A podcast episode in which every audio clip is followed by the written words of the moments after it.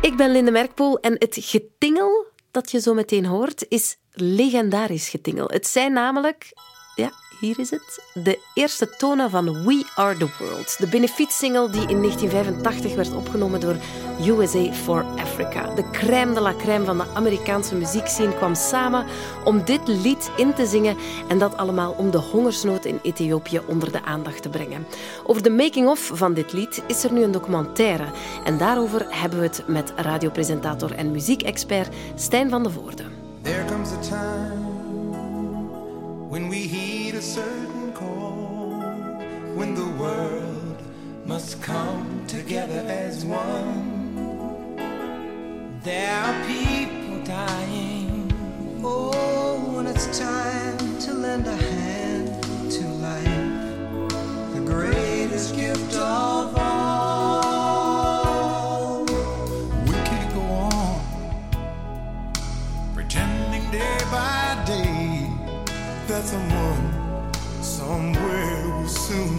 change.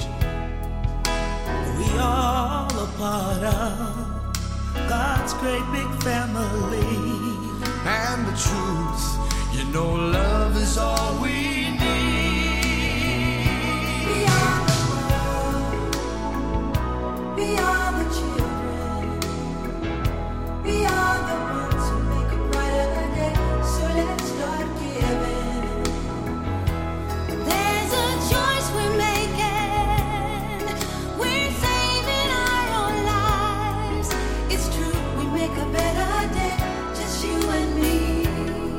The Greatest Night in Pop. Zo heet die nieuwe documentaire op Netflix over de nacht dat dit nummer, We Are the World, werd opgenomen door USA for Africa. Ze begint zo.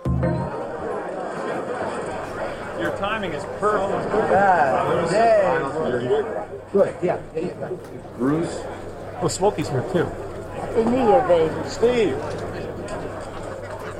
The greatest artists of a generation came together with all of our ego, with all of our talent to save some lives.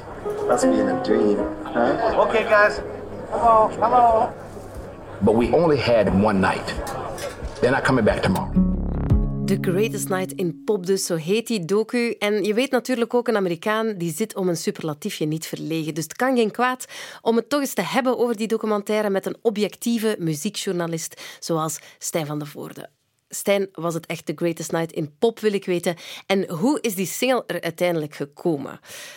Ja, dat is een goede vraag. Ik denk dat het um, een geleidelijke evolutie is geweest. Er waren al de Britten natuurlijk, en die mogen we niet vergeten in het hele verhaal. Ze hadden al bewezen dat het kon om met een, uh, een single op nummer 1 te staan en ergens toch een probleem aan te kaarten. Muziek kan dat ook. Uh, film kan dat moeilijker. Ze kunnen, ze kunnen wel een film maken, want dat is niet zo acuut. Aan een film werk je dan twee, drie jaar. Bij een single is dat anders. Do They Know It's Christmas was uitgekomen al in, in uh, een paar maanden daarvoor. Ze hadden ook een Christmas number one gescoord daarmee. Band Aid was dat dus, een een project van Bob Geldof, waarbij ze aandacht wilden vestigen voor een probleem in de wereld. Er waren op dat ogenblik heel veel problemen in de wereld, maar een van de meest mediagenieke problemen op dat ogenblik waren die verschrikkelijke beelden die bestonden van die kinderen met die dikke buikjes en die vliegen die er rondhingen. Verschrikkelijke beelden. Iedereen die zoiets zag, dacht van, hoe kan dit nu, dat wij in zo'n wereld leven? En toen heeft Bob Geldof gezegd van, kijk, we gaan, een, uh, we gaan een nummer maken om de aandacht op te vestigen en dat gaat ook geld opbrengen. En dat is één ding. En daarnaast heb je ook de awareness voor het feit dat zoiets bestaat in onze wereld. En het was een beetje dubbel. En toen dachten de Amerikanen, we kunnen niet achterblijven. Maar goed, we zijn Amerikanen, dus bij ons gaat het de greatest night worden in de popgeschiedenis. En zij hebben dan een groep mensen verzameld, um, wat op dat ogenblik dan een groep was van mensen die tot de bredere groep behoorden van de belangrijkste artiesten die op dat ogenblik beschikbaar waren om in Los Angeles te zijn op een specifieke avond. Ja, en dat allemaal begin jaren tachtig. Toen ik jou vroeg om het over deze documentaire te hebben, zei je meteen aan de telefoon, begin jaren tachtig, mega uh, interessante periode in de popgeschiedenis. Ja, zeker ook. Uh, elke periode heeft wel iets. En uh, als het gaat over popgeschiedenis, in de jaren 50 had je Elvis, dat is interessant. In de jaren 60 had je de Beatles en de Stones. In de jaren 70 had je Led Zeppelin enzovoort. Maar de jaren 80 is echt zo voor mij pure popcultuur. MTV bestond ook uh, net in de Verenigde Staten, bij ons nog niet op dit ogenblik. En je zag ook dat er uh, in 84 is Michael Jackson teruggekomen met zijn Thriller bijvoorbeeld. Ook voor het eerst een zwarte artiest die echt een, een breed forum kreeg op MTV. De twee jaar daarvoor kreeg MTV heel veel kritiek voor het feit dat ze nauwelijks zwarte artiesten speelden. David Bowie maakte zich daar druk over en er werd niet echt naar geluisterd. Maar plots had je zo'n icoon als een Michael Jackson, die, uh, die zeer aanwezig is en ook op dat ogenblik op, op, het, op het toppunt van zijn roem staat. Die bestond al sinds eind jaren 60 met de Jackson 5 en de jaren 70 ook. Maar nu is het wel Michael Jackson die zich samen met Lionel Richie wat op dat ogenblik ook een figuur was die uh, hij presenteerde daar voor de American Music Awards, won daar ik weet niet hoeveel awards, ook op top, echt toppunt van zijn roem. En die gaan dan samen een nummer maken wat dan ervoor moet zorgen dat er ook in de Verenigde Staten aandacht of nog meer aandacht bestaat voor het probleem van die hongersnood in Afrika. Ja, maar alles begint bij twee figuren. De ene is Harry Belafonte, de man die we kennen van dit. Deze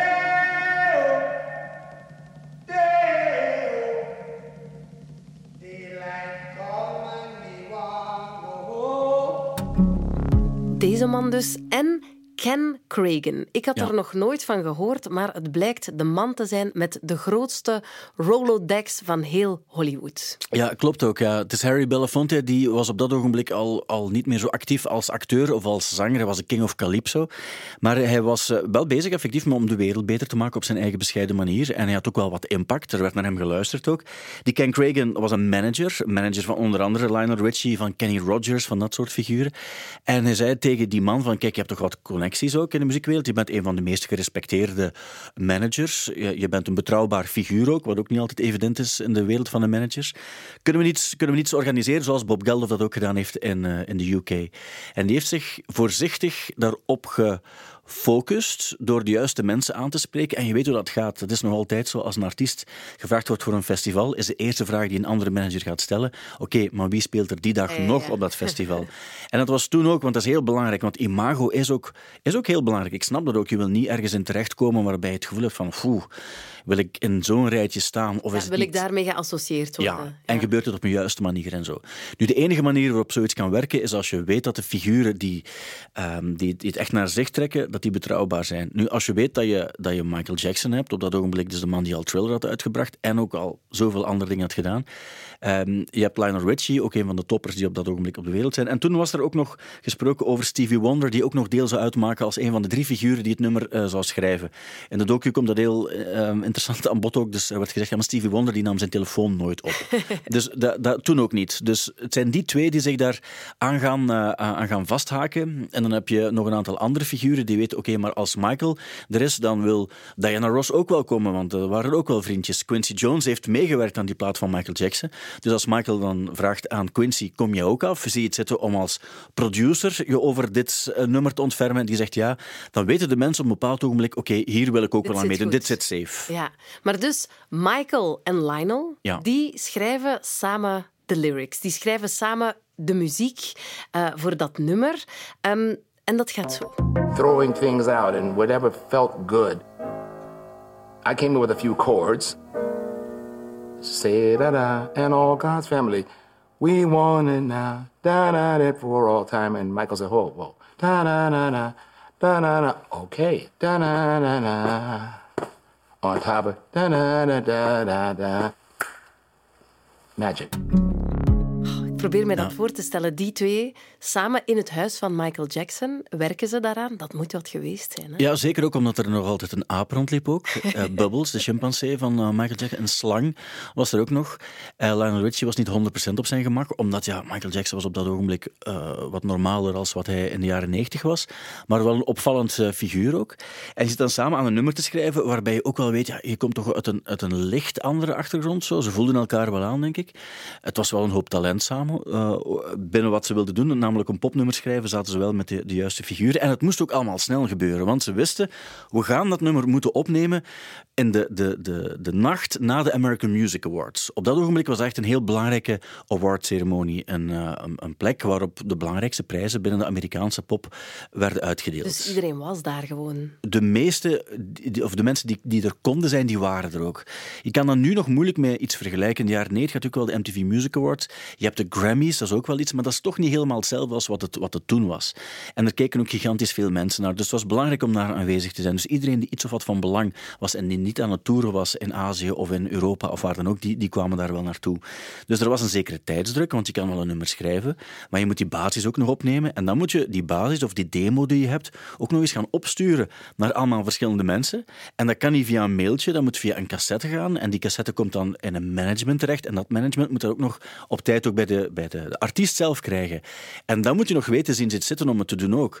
Dus nu zou dat heel snel kunnen gaan, maar in die tijd kon dat niet. En er was er was heel veel tijdsdruk. Dus de vraag was altijd opnieuw van Quincy Jones aan um, Michael Jackson en aan Lionel Richie. Wanneer heb je nu een nummer? Wanneer kunnen we echt concreet werk maken van die eerste basisopname waar we dan verder op kunnen bouwen? En zo wordt het interessant. Ja, um, de muziek. Michael en Lionel. Ja. Maar inderdaad, je noemde net al een, een paar namen er moest ook gezongen worden natuurlijk. Ehm, hoe werden die mensen gekozen? Want je kan natuurlijk niet iedereen vragen. Nee, en iedereen had ook een ander stembereik. En je wil natuurlijk zoveel mogelijk verschillende figuren. Het is goed als je iemand uit de soul of de R&B hebt, iemand uit de pop, iemand uit de rock, want je had het ook wel in de, in de jaren tachtig. En dan weet je ook dat het stembereik van bijvoorbeeld Cindy Lauper niet hetzelfde is als dat van Bob Dylan, of van Ray Charles, of van Kenny Rogers, of van Stevie Wonder, of van Paul Simon. Dus je, ze moesten gaan kijken, oké, dit is ongeveer de melodie Iedereen moet natuurlijk op zijn eigen manier even kunnen tonen wat een vocaal bereik is ook, maar het moet ook binnen een bereik liggen. En zo hebben ze geprobeerd om puzzel te leggen. Oké, deze zin is ongeveer zo, dat, dat, gaat voor die persoon zijn. Hij of zij kan dit dan zo zingen en op die manier werd er, werd er een puzzel gelegd. Ja, en ook wel wat gewerkt met contrasten. Ja, met, met contrasten. En ook, men keek ook natuurlijk, wat is hier de bekend, wie, wie, zijn de bekendste figuren die we kunnen gebruiken? Het waren niet altijd de allerbeste zangers die gevraagd werden, want Um, een Bob Dylan bijvoorbeeld staat nooit bekend als de allerbeste zanger. Die had een zeer beperkt stembereik. Maar goed, het is wel zijn stem die heel herkenbaar is en die in de jaren 60 dan weer belangrijke dingen heeft gedaan. Dus je wil, je wil die ook wel laten zingen. Um, dus ja, er werd gekeken naar de bekendheid en wat ze vocaal aankonden. Ja. Um, een van de personen die ook telefoon kreeg was deze meneer. Famine relief was important. I knew it hadn't been addressed, you know. And you're always sitting there with like the old, what can I do about it, you know. It was a little soon. I normally wouldn't have done it, but it looked important. And then it was like, well, you have Bruce Springsteen, you could call Bob Dylan. Ja, we horen Bruce Springsteen die zegt van, goh ja, ik had het eigenlijk normaal niet gedaan, want de opname was net de nacht nadat zijn tour was afgerond.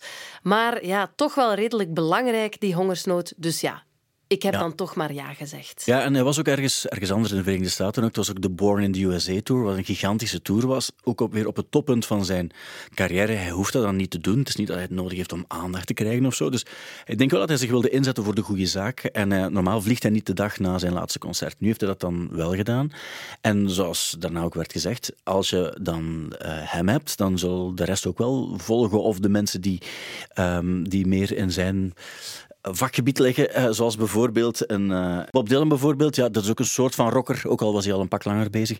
Dan zal hij ook wel het zien zitten om mee te doen. En zo werkt het dan. Als de ene meedoet, doet de andere ook mee. Ja, en dan is het zover. Ja. Die ene nacht van 28 januari 1985. Um, ze komen allemaal samen in de legendarische A&M-studio's in L.A., moest geheim blijven. Hè? Ja, heel belangrijk. Uh, want ik kan me dat heel goed voorstellen. We leven ook nog in een andere tijd. Het is niet zo dat daar uh, met de juiste security technieken mensen weggehouden zouden kunnen worden. Maar je, zoals ook letterlijk in het documentaire wordt gezegd, als je daartoe komt en er is geen deftige security en er staat veel te veel volk, ja, er zijn een aantal artiesten, zoals bijvoorbeeld een, een, Bob Dylan en zo, die geneigd zouden zijn om te zeggen van ah, hier kom ik niet, hier kom ik niet toe, ik ga wel, rij maar door, kan niet blijven. En uh, het was ook zo, ja, als je, als je daarom, uh, het werd ook letterlijk gezegd denk ik in die documentaire, als je daar een bom op gooide, dan was uh, meer dan de helft van de Amerikaanse popgeschiedenis op dat ogenblik van ja. de jaren tachtig toch, die was eraan. Topquote van Paul Simon, geloof ik. Die zei van als hier nu een bom op deze studio valt, dan is John Denver weer de Juist. Juist. En zo zal het ook echt geweest zijn, want het is, het is wel een spectaculaire lijst. Dus men moest daar voorzichtig mee zijn en ik snap ook wel, ik snap ook wel waarom. Ja. Um, in die studio worden ze die avond opgewacht door de persoon die al een paar keer noemde, producer Quincy Jones. De master orchestrator wordt hij genoemd, een icoon, levend icoon. Op zijn schouders rustte een gigantische taak. There was nothing more chaotic than trying to rope this creative ball of energy together. This was history happening right now. Ja, ik probeer het mij voor te stellen. Hè. Die, die, die groep van artiesten die komen eigenlijk net allemaal van een feest, van die American Music Awards. Die komen daar binnen, uitgelaten sfeer, een beetje een schoolreisgevoel.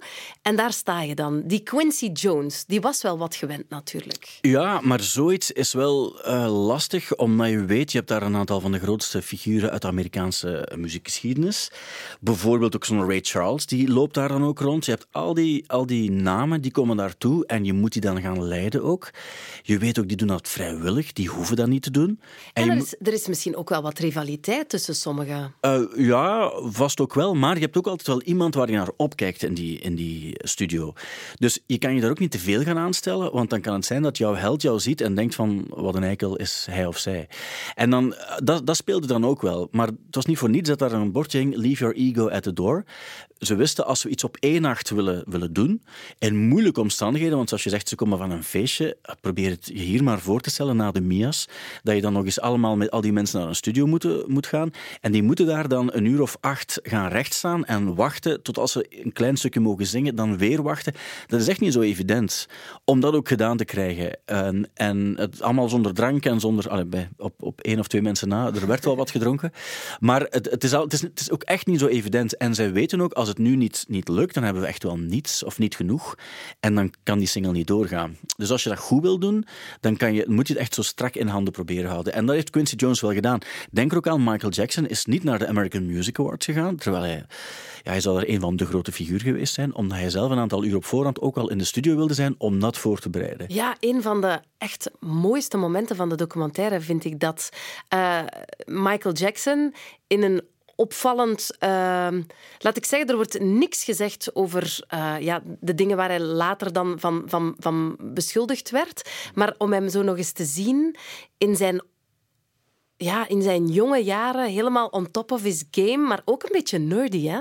Ja, maar absoluut. Maar ik denk dat Michael Jackson ook altijd is ook nerdy opgevoed. Ook als je weet hoe hij vroeger als kind, en dat is een van de dingen die Michael Jackson ook helemaal getekend hebben natuurlijk. Al, hij vertelde dat zelf ook. Als kind moesten met de Jackson 5 bepaalde dingen inzingen of dansjes in oefenen.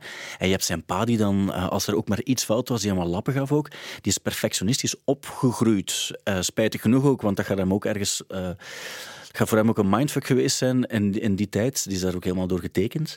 Maar daar zie je ook hoe goed hij het wilde doen. En ik geloof ook wel, hij is, hij is bovendien ook de man die op een bepaald ogenblik zegt: Ik wilde eigenlijk aanvankelijk wel meezingen in het koor, maar ik hoefde geen solo's in uh, te krijgen. En ik geloof ook echt dat het zo was. Mm -hmm. En dat is wel echt zo'n. Uh, een, uh, het zat ook een beetje schrik. Zowel Lionel Richie als Michael Jackson waren twee Pepsi-figuren. Op dat ogenblik waren ze de gezichten van Pepsi. Oh. En ze hadden zo op een bepaald ogenblik het gevoel van: ja, maar als we er, als we er beide aanhangen, denk, gaan mensen denken dat een of andere halve Pepsi afgeleide is of zo. Dus dat was een, een schrik die ze hadden. Daar wordt in docu niets over gezegd, maar dat was wel een ding dat op dat ogenblik blijkbaar wel leefde. En um, daar was natuurlijk niets van aan. En uiteindelijk is het natuurlijk op een heel natuurlijke manier gezet. Uiteraard moest zijn stem er ook bij. Ja, je zei het net al, Quincy Jones die hing net voor de opname begon een briefje aan de deur waarop stond check your ego at the door. Ja. Uh, wat zoveel wil zeggen als laat uw, ego's, laat uw ego buiten liggen. Ja. Pretty much everything was ready to go. Quincy asked me for a piece of paper and he decided to write the greatest line. Check your ego at the door. Wat eigenlijk onmogelijk is, want je hebt het voordeel aan die supersterren is dat die ergens een ego hebben en dat zorgt er ook voor dat ze zijn ook wie ze zijn, vaak ook wel. Um, maar het gaat natuurlijk, als het, als saboteert binnen wat je aan het doen bent, dan wordt het vervelend. Of ook gewoon heel moeilijk om het af te werken. En je hebt bij sommige figuren, zoals bij een Prince bijvoorbeeld, dan dus Prince ging normaal ook een, een zinnetje krijgen. Maar hij is niet komen opdagen, omdat je het gevoel had van, ah, maar ik, ik, wil niet in een groep staan. Heeft dat met ego te maken? Hij wilde wel een solo inspelen, maar er zat geen solo in het nummer. Hij zei, ik wil in een ander, ik nog langskomen, ik wil ergens in een andere ruimte een solo inspelen. En dan is dat de vraag, is dat omdat je zo in elkaar zit als mens? Kan hij echt niet in een groep functioneren? Of is het gewoon zo dat hij uh, het gevoel had van ik sta er allemaal boven, wat bij Prince ook nog wel best zou kunnen. Dus het was, het was een beetje moeilijk om, om, uh, om in te schatten of het goed was om bepaalde mensen uit te nodigen of niet. Je hebt die Waylon Jennings, wat een country um, zanger is. Die heeft op een bepaald ogenblik gezegd, ik ben weg. Maar hij is de enige die zomaar opgestapt is. En dat te maken met het feit dat er af en toe wel eens wat dingen... Ja, er werd af en toe uh, gediscussieerd. Bijvoorbeeld, op een bepaald ogenblik was het Stevie Wonder. Die zei, zou het geen goed idee zijn, het, is toch, het gaat toch over de hongersnood in Afrika, dat we hier een zinnetje in het Swahili eh, zingen.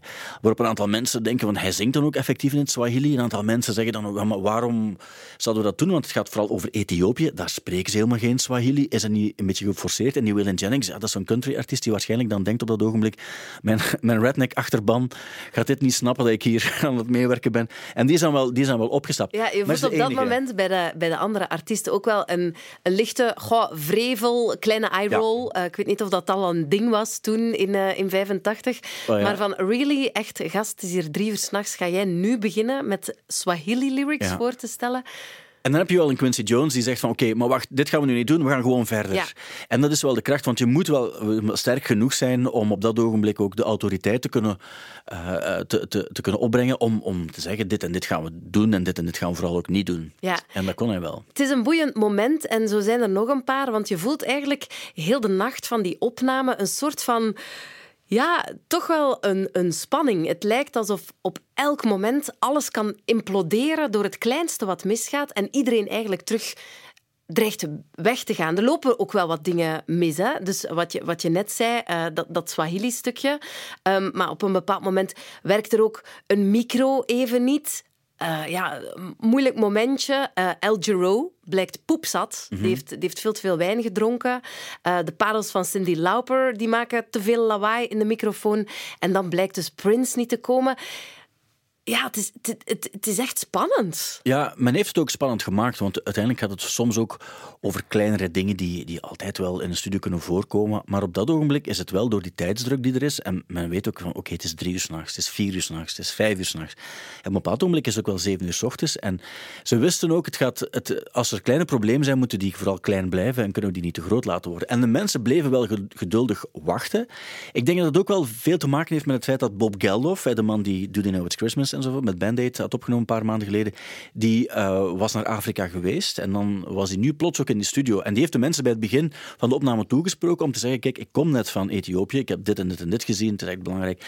En toen werd er wel een soort van, ja, toen ging het plots wel wat ernstiger eraan toe en hadden mensen het gevoel van, We hebben verantwoordelijkheid. ja, verantwoordelijkheid en laat het ons maar goed doen, want het gaat ergens over. Ja.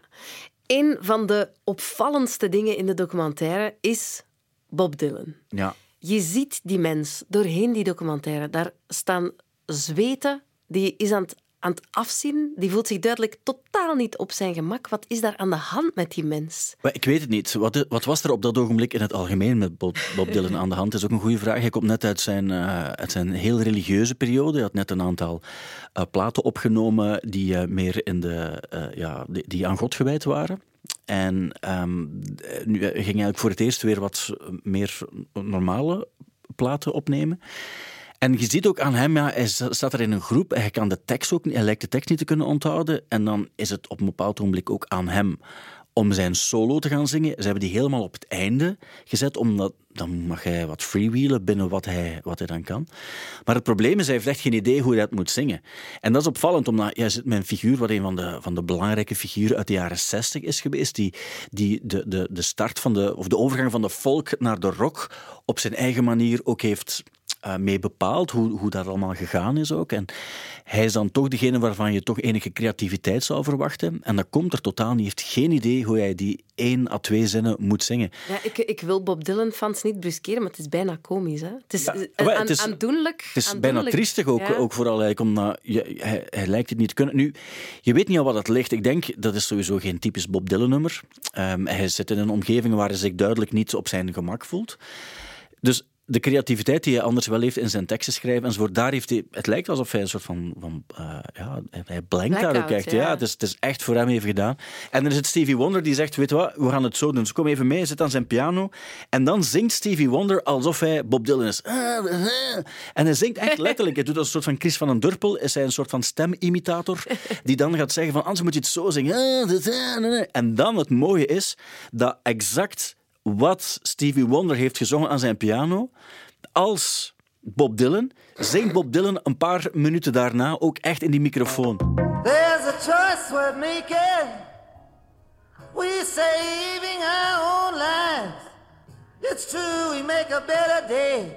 Just you and me.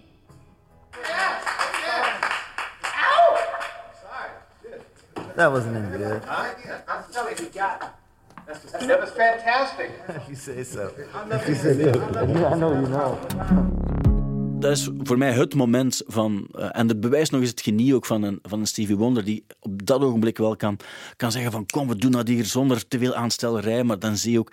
Ja, voor mij is dat een van de momenten. Er zijn een aantal figuren, zoals, zoals Lionel Richie. ehm, maar ook Stevie Wonder, ook zo'n Michael Jackson, die voor mij echt heel, een heel ander. Een heel, ik heb er een ander beeld op als het gaat over die periode en, en hoe ze deden, die Quincy Jones. Ik heb daar wel op een bepaalde manier nog veel meer respect voor gekregen. Eh, omdat je ze in, in een kleine kantje ziet, wetende wel dat ze gefilmd worden ook, maar je weet dat het niet, niet om een ego gaat op dat ogenblik. Wat mij opvalt aan Bob Dylan, maar eigenlijk ook bij veel andere artiesten die, die je ziet, los van dat ego dat dan af en toe de kop opsteekt, is dat je hen eigenlijk ook heel menselijk ziet. Eh, heel, heel schattig. Op een bepaald moment beginnen ze ook handtekeningen aan elkaar te vragen. Ik, ja, Ja. ik vind dat heel lief. Ja, maar ik denk dat, dat dat dus ook te maken heeft met het feit dat ze weten van ik zei wel met die en die en die. Ze zeiden ook op een bepaald ogenblik, Ray Charles komt hier binnen. Dat is wel Ray Charles. En ja, probeer je ook voor te stellen, we zitten in 85, dat is niet 2024. Dus er waren ook nog andere helden. Probeer dan naar deze tijd door te trekken. En dan weet je wel, als je een iets jonger artiest bent en nu zie je een Bono binnenkomen of een Paul McCartney of zo, dan, dan, dan ga je toch als als je eh 20, 30 jaar jonger bent en je hebt 20, 30 jaar minder gepresteerd, dan ga je toch, dan ga je toch even, eh, even anders over, over bepaalde dingen denken. Dat ga je niet aanstellen. Het feit dat er ook geen managers binnen stonden, maakt ook een groot verschil. Ja. Eh, In die studio zelf, iedereen, iedereen was op zichzelf. Eh, dus ik moest op zichzelf terugvallen. Ik kon niet tekenen naar een manager van kom mij hier eens buiten halen of zo. Nee, iedereen was daar gedumpt in een studio en iedereen zat in hetzelfde en wilde er ook wel het beste van maken. Als we nu, 39 jaar later, terugkijken naar die single, kan je dan zeggen wat die precies teweeg heeft gebracht? Misschien eerst en vooral voor Ethiopië. Ja, ik denk ook, dus de opbrengst was 80 miljoen van die single. 80 miljoen dollar, dat is heel veel geld. Als je dat zou vertalen naar de, een bepaalde waarde voor deze tijd, dan zit je ongeveer aan een dikke 200 miljoen euro. Dat is de waarde die het opgebracht heeft. Daar kan je wel iets mee doen. Maar ik denk dat het nog veel belangrijker was dat je op dat ogenblik ook artiesten hebt. En dat was zo bij, bij dit, maar ook bij, bij eh, Band Aid. Dat je, dat je kon bewijzen dat je als muzikant wel iets in de, onder, onder de aandacht kon brengen. En dat je dat dan ook doet, dat is natuurlijk nog veel belangrijker. Omdat je dan weet dat je ook als muzikant een bepaalde druk kan leggen op wereldleiders enzovoort ook. Het enige punt is wel dat het maar één van de vele wereldproblemen was. En dat is heel selectief. Ehm, eh, hoe kan je mensen meekrijgen door bepaalde beelden te tonen? Als er van bepaalde problemen geen beelden zijn, ja, dan laat je die wel in de kou staan. Dus dat is altijd moeilijk. Je kan, je kan daar heel veel over zeggen. Ehm, ik denk dat het belangrijk is geweest dat ze het gedaan hebben. En ze hadden ook niets kunnen doen en dat veel erger geweest. Dus op dat gebied is dat voor mij wel een heel goede zaak geweest. Net zoals al die andere projecten, waarbij het vaak ook wel gaat over een carrière en een ego en zo. Maar ik geloof nog altijd beter dat je iets doet dan dat je niets doet. Of nu de grootste eh, nacht uit de popgeschiedenis, wel van 1985 wel, denk ik. En binnen het Amerikaanse continent gaat dat ook zo geweest zijn, want iedereen was er ook wel. En als je nu terugkijkt naar wat er daar gebeurd is, dat is wel een tijdsdocument. Ook Ja. qua sound, dat is cheesy. Als je het bekijkt als nummer, en, en dan heb ik het over de muziek en over de tekst, dan is dat een soort van... Ja, dat is wel catchy, maar dat is ook heel flut. Dat slaat op niet zoveel. Maar daar, daar gaat het allemaal niet om. Het gaat echt om, om wat er gebeurd is. En iedereen mag daar eens, eens heel kort uithalen en zich laten horen. En zo waren er allemaal Ja, wel. voor mij heeft de documentaire het nummer op een of andere manier ook meer waarde gegeven. Dat is het goede. Om Dat is het ook, verhaal erachter te kennen. Waarom is Woodstock ooit zo groot geworden? Omdat, omdat er gefilmd is ook. Er zijn heel veel, heel veel momenten in de muziekgeschiedenis waar geen beeldmateriaal van bestaat. En dan weten we niet hoe dat geweest is. Maar als er gefilmd is, dan kan je, kan je daar een, een goede samenvatting van maken en dat ga je onthouden. Dat is net hetzelfde, wat gaan kinderen lang onthouden? De dingen waar, waar beeldmateriaal van bestaan. Als, van een vier, vijf jaar, ze weten er niets meer van, maar er, is, er bestaat beeldmateriaal van en dan plots wordt dat groter dan wat het eigenlijk was.